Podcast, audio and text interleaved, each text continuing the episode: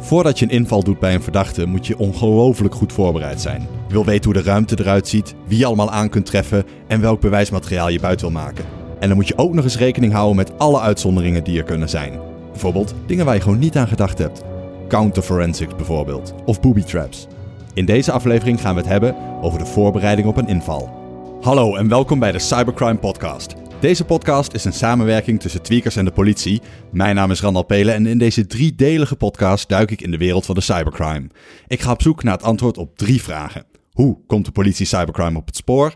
Hoe doen ze daar vervolgens onderzoek naar? En natuurlijk, hoe pakken ze uiteindelijk die verdachten? Tijdens de inval dus.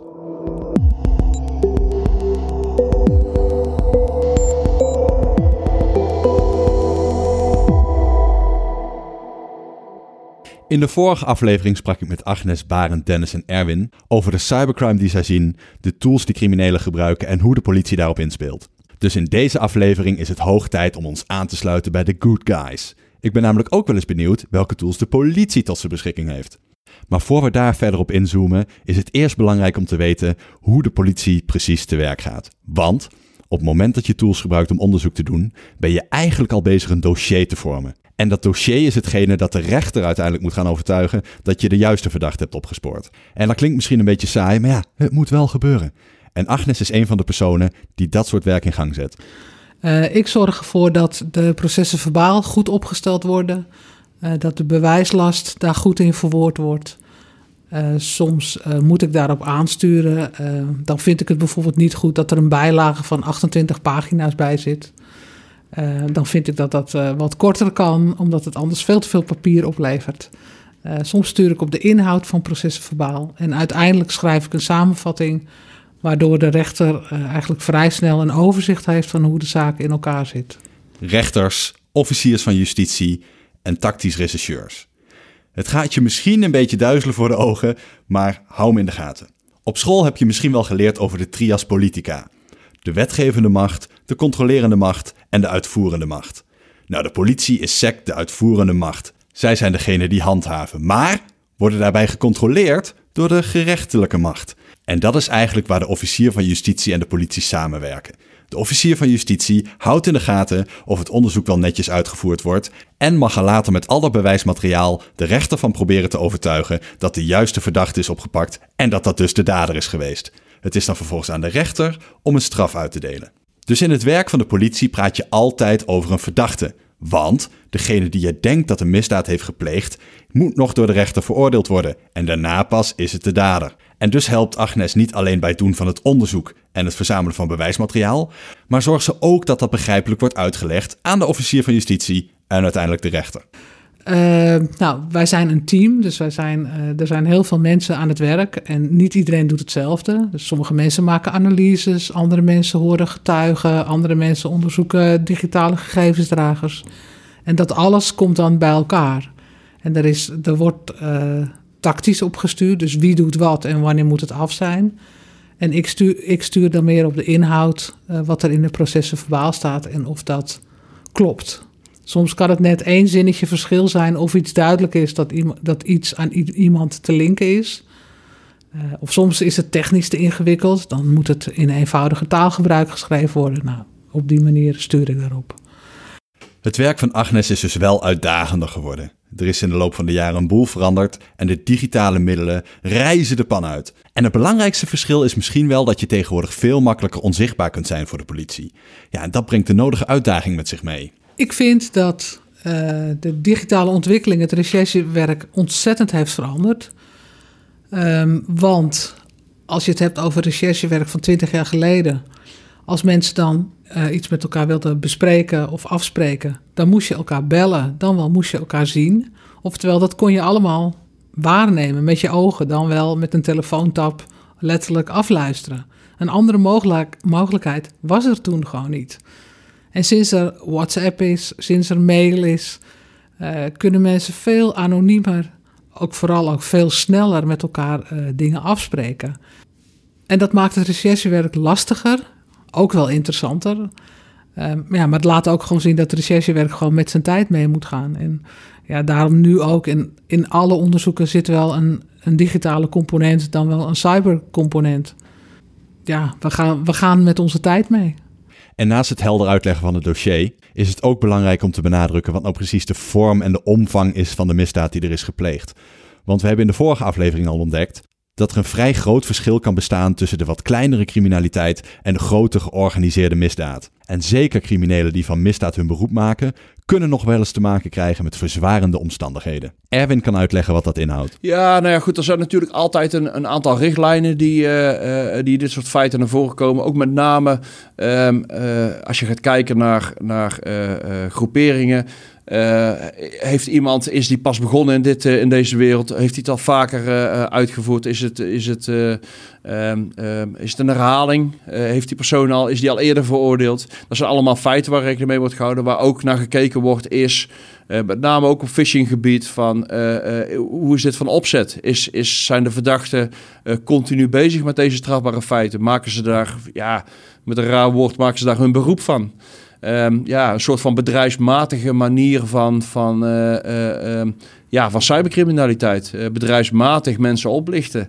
Um, zijn ze dan, werken ze in een crimineel samenwerkingsverband? Dus, dus uh, zijn er gewoon groeperingen die, um, uh, ja, die dit soort feiten plegen. Um, ja, als ze dat met hele groepen doen en als dat de maatschappij enorm raakt, ja, dan is dat altijd wel verzwarend voor, voor een eventuele strafeis natuurlijk. Uh, omdat het zo'n grote impact kan hebben op, op de maatschappij.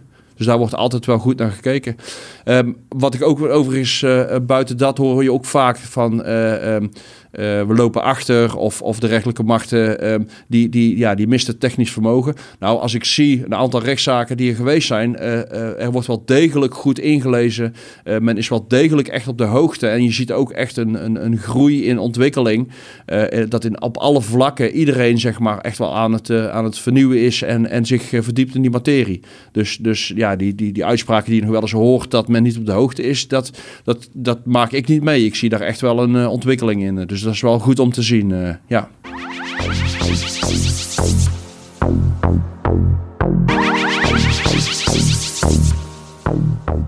Agnes en Erwin zijn dus uitstekend in staat om officiers van justitie en rechters uit te leggen wat de misdaad is die er heeft plaatsgevonden en hoe ze daar onderzoek naar hebben gedaan. Maar we hebben in de vorige aflevering ook al ontdekt dat je niet altijd sec alleen maar praat over cybercrime, maar dat politie weliswaar met digitale middelen gewoon criminaliteit aanpakt. Daarom wil ik graag weten hoe politie misdadigers op het spoor komt. Want niet alleen Erwin heeft het liever over misdaad dan over cybercrime. Ook voor Barend is het een beladen term. Nou, ik, ik denk sowieso uh, seks, cybercrime zaken. Uh, cybercrime wil eigenlijk zeggen uh, dat het alleen maar tussen computers gedaan kan worden. Dus, en ik ben van mening dat je daar altijd een tactisch component aan hebt hangen. Ik moet namelijk wel bewijzen dat mijn verdachte achter die PC heeft gezeten. Dat kan ik misschien doen middels alleen maar de data te controleren. Maar wie zegt dat het niet een huisgenoot is geweest om uh, dat die, die dingen heeft gedaan. Dus er zit altijd een tactisch component aan vast. En uh, dat is denk ik ook juist het leuke van die, al die onderzoeken. Je bent niet alleen aan het grasduinen in die ene en de nullen, maar je bent ook eigenlijk aan het grasduinen in, nou ja goed, het privéleven van uh, een persoon. Om te kijken van wat doe jij allemaal? waar kan ik de haakjes vinden dat jij wat hebt gedaan? En lukt dat ook altijd? Nee, kijk, je hebt uiteraard zaken die, die, die redelijk makkelijk op te lossen zijn. Uh, waar de verdachte in kwestie niet zo slim is geweest. Maar je hebt ook zaken die ontiegelijk moeilijk zijn. En uh, waar eigenlijk nog geen antwoord op te geven is wie dat heeft, eigenlijk heeft gedaan. En dan zit je ook nog een keer met zaken die gedaan zijn door verdachten uit het buitenland. En als dat dan ook nog eens een keer is uit een land uh, waarvan wij eigenlijk van tevoren al weten daar, komt, daar gaan wij geen informatie eh, krijgen wanneer wij een, eh, een vordering eh, doen of een rechtshulpverzoek. Ja, dan ben je eigenlijk, nou klaar wil ik niet zeggen, maar dat kan heel erg lang duren voordat je verder kan met je onderzoek. En hoe gaat dat onderzoek verder in zijn werk dan? Want je bent natuurlijk niet alleen digitaal bezig. Vroeg of laat wil je een verdachte in de boeien slaan en dan moet je ook weten waar die woont bijvoorbeeld bij elk digitaal gerelateerd delict of bij cybercrime delict zit altijd een, een, stukje tactiek bij. Wij zullen altijd tactisch op moeten opsporen. Het bijvoorbeeld naar de naar het huis van de verdachte rijden, dan ben je eigenlijk al tactisch bezig. Van welk huis is het? Hoe ziet het huis eruit? welke deur moeten we naar binnen? Dus er zit altijd een tactisch component aan vast als je een verdachte wil aanhouden naar het huis van de verdachte rijden voelt al een beetje als een soort uh, undercover agent zijn eigenlijk. Is dat altijd naar iemands huis toe rijden of kun je ook online undercover zijn? Nou goed, je, hebt, uh, en, die voorbeelden zijn er natuurlijk al. Het uh, high-tech crime team uit Drieberg, die heeft een maand lang een, een marktplaats opgenomen, overgenomen. en ja, die mensen die daar hun producten bestelden waren eigenlijk aan, aan het dealen met uh, politiemedewerkers. Het is ook bekend dat de FBI veel op het dark web aanwezig is. ja, eigenlijk ook om ervoor te zorgen van ja, joh, weet met wie je te maken hebt. En als je dat niet weet, doe het dan niet. Dat verhaal over het overnemen van een online marktplaats heb je waarschijnlijk wel meegekregen. Dat was de Hansa Market op het dark web in 2017. Een boel cybercrime komt politie op het spoor door aangiftes en meldingen. Maar het kan ook zijn dat ze digitaal undercover gaan tot en met het overnemen van hele online handelsplaatsen. Maar in de vorige aflevering vertelde Erwin ook al dat hij soms onderzoek doet naar vingerafdrukken die cybercriminelen achterlaten. En dat gaat soms heel ver tot en met het reverse engineeren van een stuk malware. Ja, um, ja, ik kan ook wel iets vertellen inderdaad over het reverse engineeren van malware. Um, ja, wat, we, wat we natuurlijk zien is dat, je, uh, dat er veel gebruik wordt gemaakt van bepaalde software. Eigenlijk komt in een hoop cybercrime feiten komen, komt heel veel software naar voren. Denk aan ransomware. Daar zit een stukje uh, ja, software in dat gebruikt wordt om, uh, om alles te versleutelen. maar dat zien we ook bij bijvoorbeeld bij banking malware. Uh, daar wordt ook uh, software voor gemaakt. Dat speciale software die geschreven is om, uh, om, om die feiten te kunnen plegen. En ook daar doen we onderzoek naar om te kijken van wat zit daarin. ja, dan kun je ook echt denken aan reverse engineering. Dus echt het herleiden van hoe werkt het programma, wat zit, hoe zit het intern in elkaar, hoe zit de, de encryptie, wat voor encryptie maken ze gebruik van. En kunnen wij daarin iets vinden wat gebruikt kan worden voor het onderzoek. Oké, maar hoe, hoe gaat dat reverse engineeren dan in zijn werk? Nou ja, reverse engineeren is een, heel langdurig proces, of kan een langdurig proces zijn. Dan, dan ga je echt kijken naar de interne werking van, van het programma.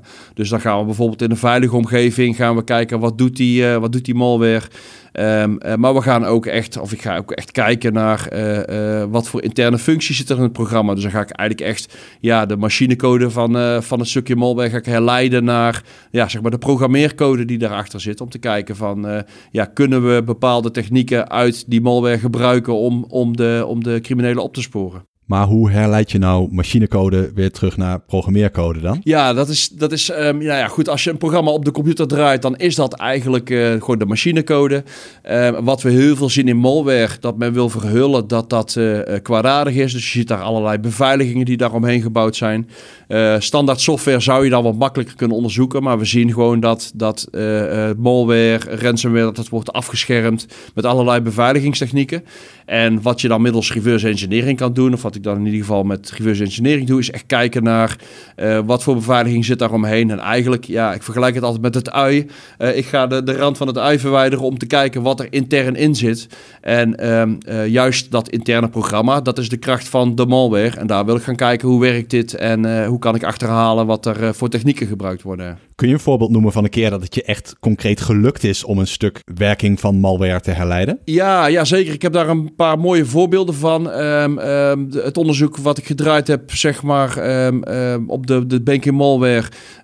daar werd gebruik gemaakt van een, uh, dat noemen ze een zogenaamd Domain Generating Algorithm, een DGA. en dat is een algoritme wat is ingebouwd in de malware. Uh, en dat zorgde ervoor dat eigenlijk geautomatiseerd domeinnamen werden aangemaakt uh, die gebruikt werden in de cybercrime feiten. Um, um, dat was een heel interessant uh, punt, want wat ik zag toen de malware werd opgestart, dat de US Declaration of Independence, dus de, de onafhankelijkheidsverklaring van Amerika, die werd gedownload door de malware op de besmette computer. Ehm, en uit die tekst van, uh, uh, van dat document werden uh, domeinnamen gegenereerd met een bepaald algoritme. Uh, nou, middels dat reverse engineeren was het mogelijk om dat algoritme te achterhalen. En daardoor konden we, en voor het onderzoeksteam was dat natuurlijk super interessant, konden we op voorhand al gaan bepalen, een maand van tevoren konden we al weten welke domeinnamen dat er gebruikt gingen worden om de data van de benadeelden, van de slachtoffers op te slaan. Dus we waren eigenlijk de cybercriminelen ook een stapje voor, want wij konden op voorhand al zien welke domeinnamen geregistreerd gingen worden. Dus die, waren nog niet actief, uh, die gebruikt gingen worden in de toekomst. Dus ja, dat is natuurlijk helemaal een mooie ontwikkeling, want dan ben je ze echt een stapje voor en kun je echt, dat is een interventiekans natuurlijk, dan kun je ingrijpen op het punt waar, waar ze nog niet zijn. Ja.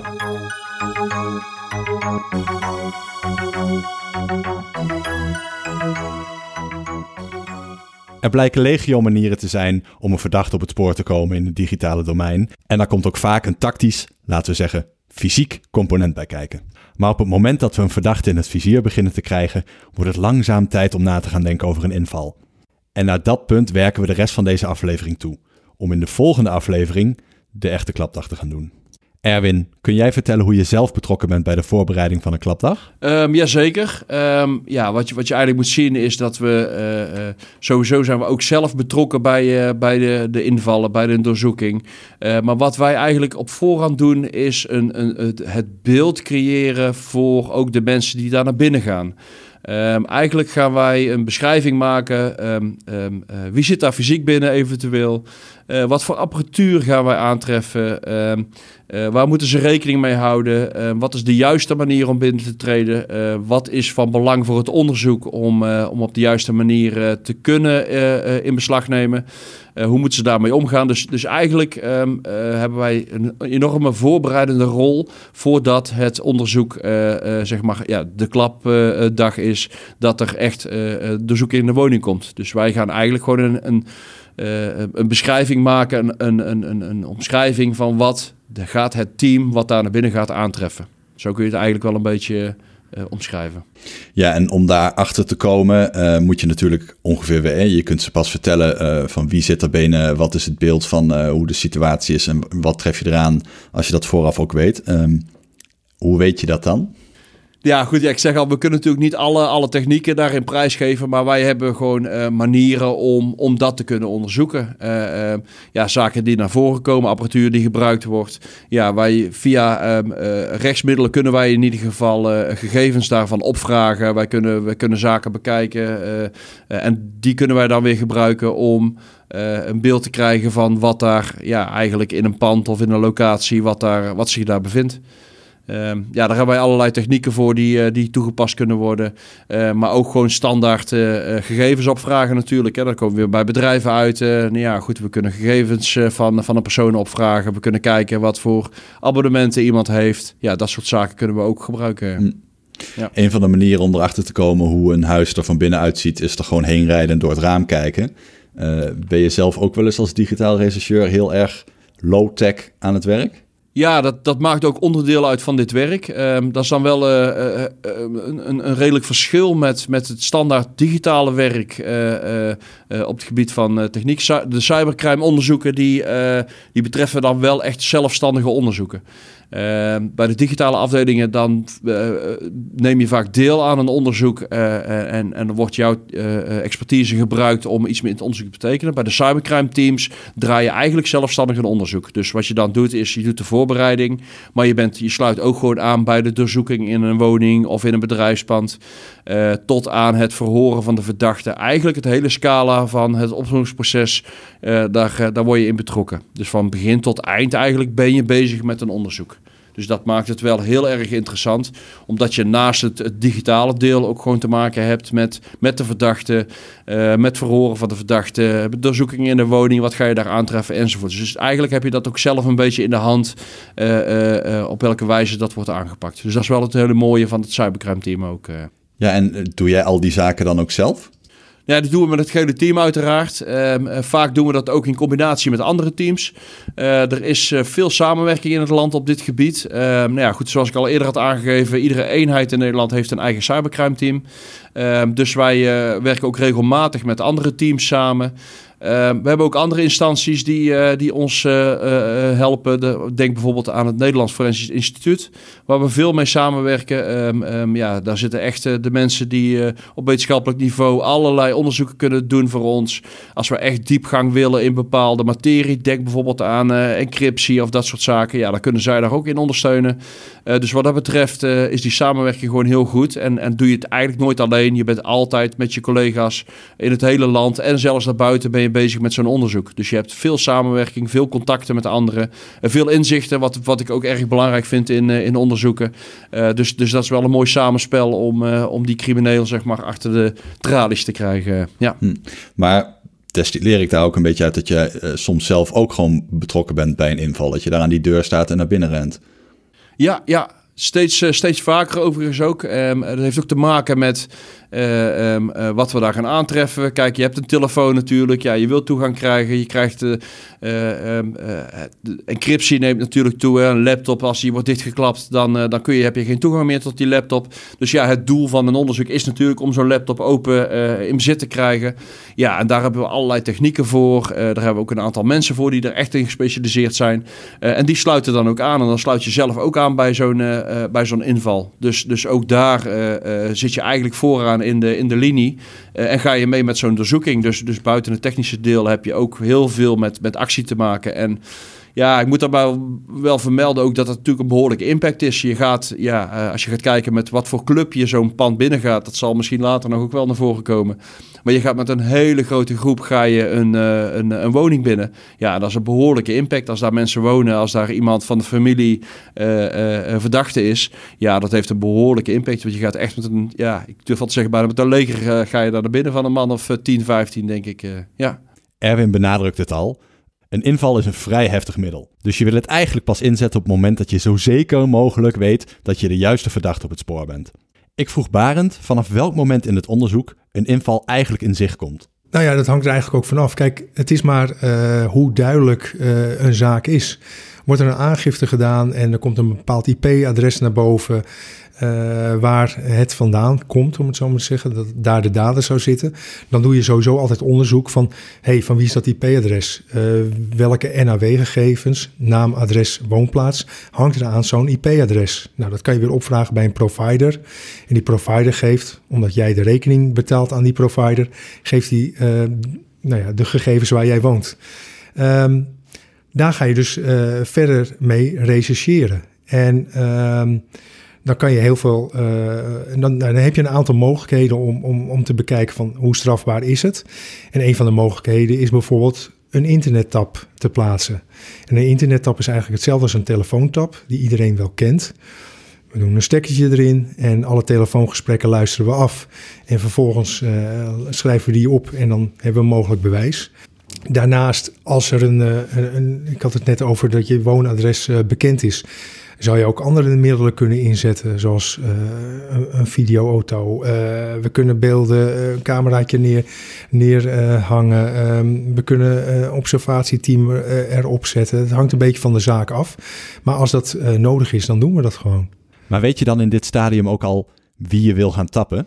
Ja, dat hangt echt van ehm, de, de sporen af die je eigenlijk meegekrijgt.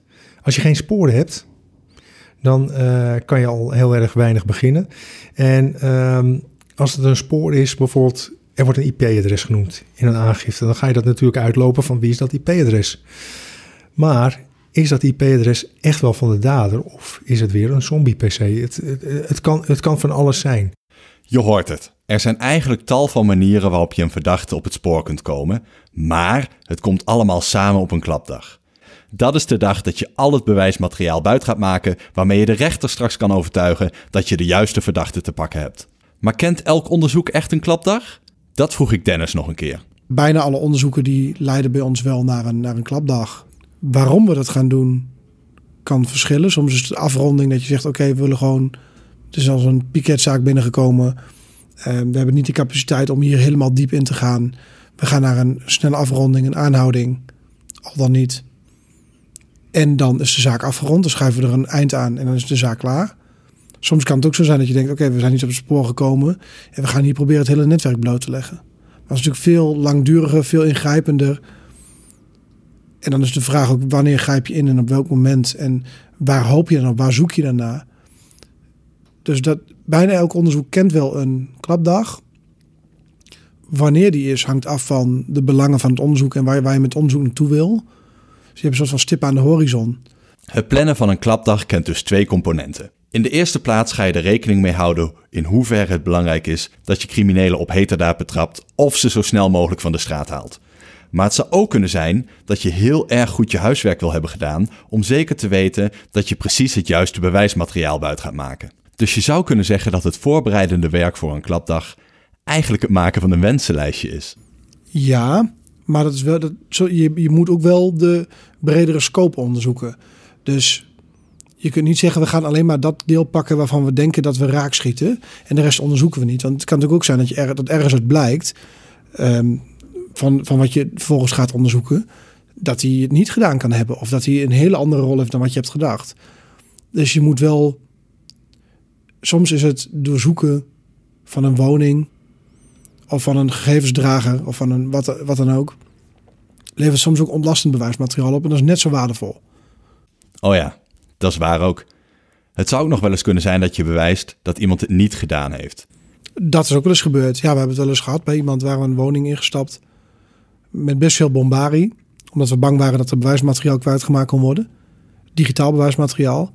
Zijn we naar binnen gevallen, gevonden wat we, wat we zochten.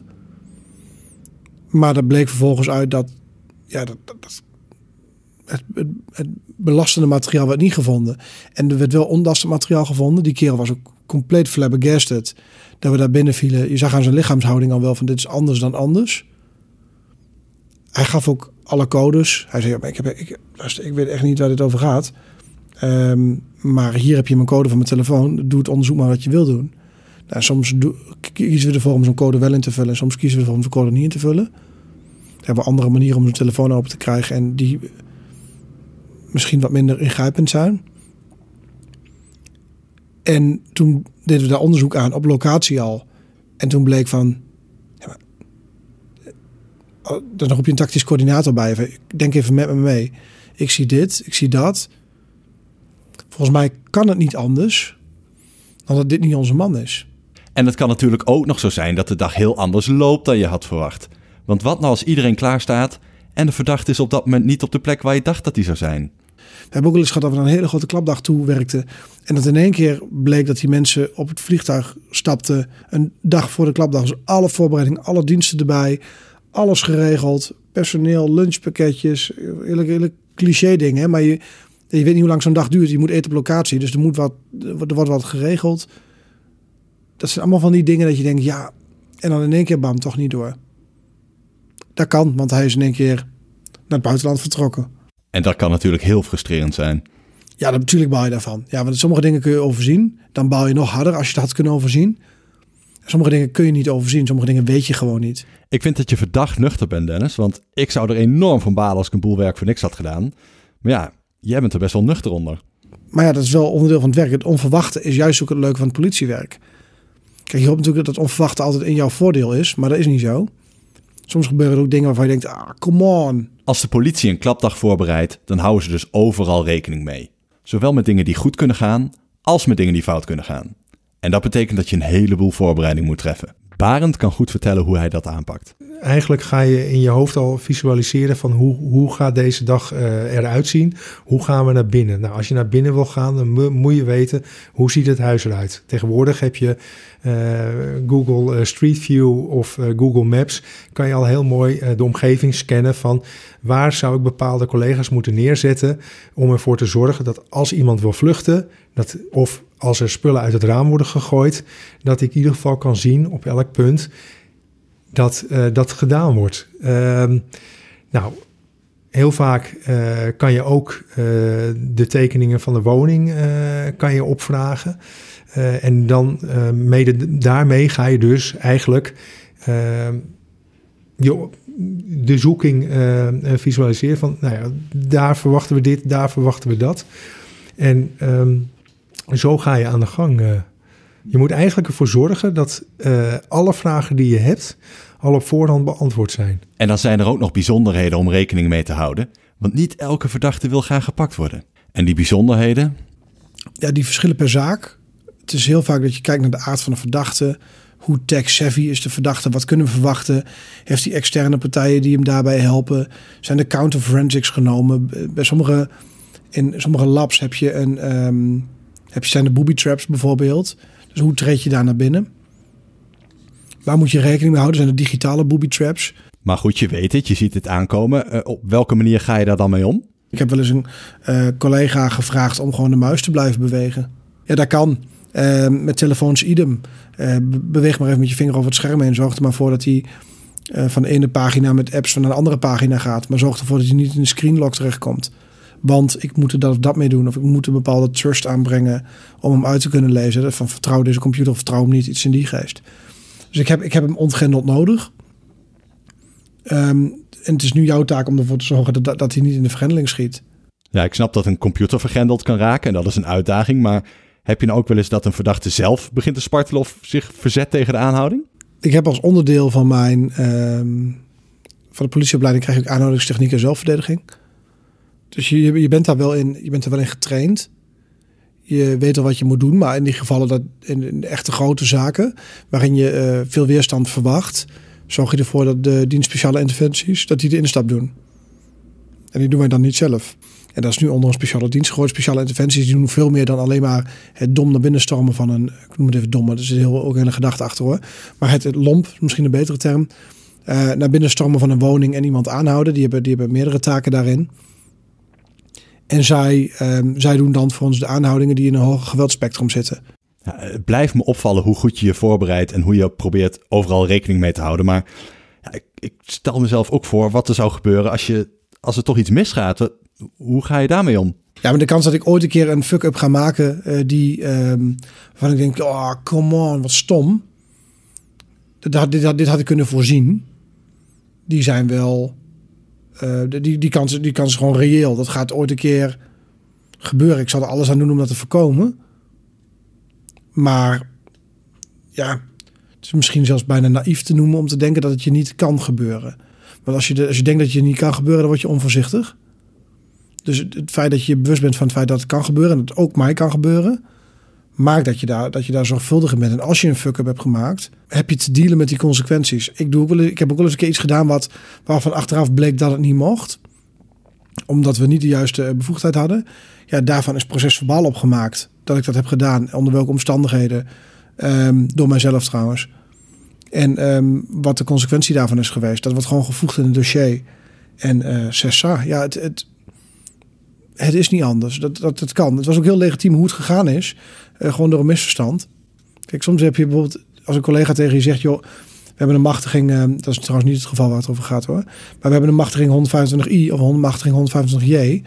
Het gaat over een, een doorzoeking op internet of in, op een plaats van een doorzoeking, netwerkzoeking.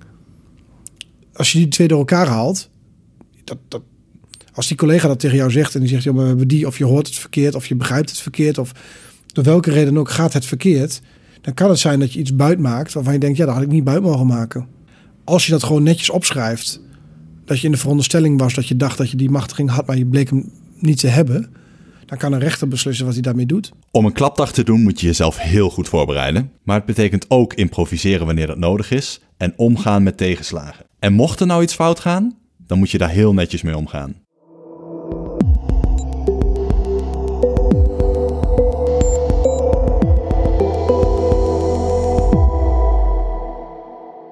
Bedankt voor het luisteren naar de tweede aflevering van de Cybercrime Podcast. Deze podcast is een samenwerking tussen Tweakers en politie. Mijn naam is Randal Pelen en in deze podcast hoorde je de verhalen van Agnes, Barend, Dennis en Erwin. Blijf luisteren, want in de volgende aflevering leren we wat er gebeurt na de klapdag.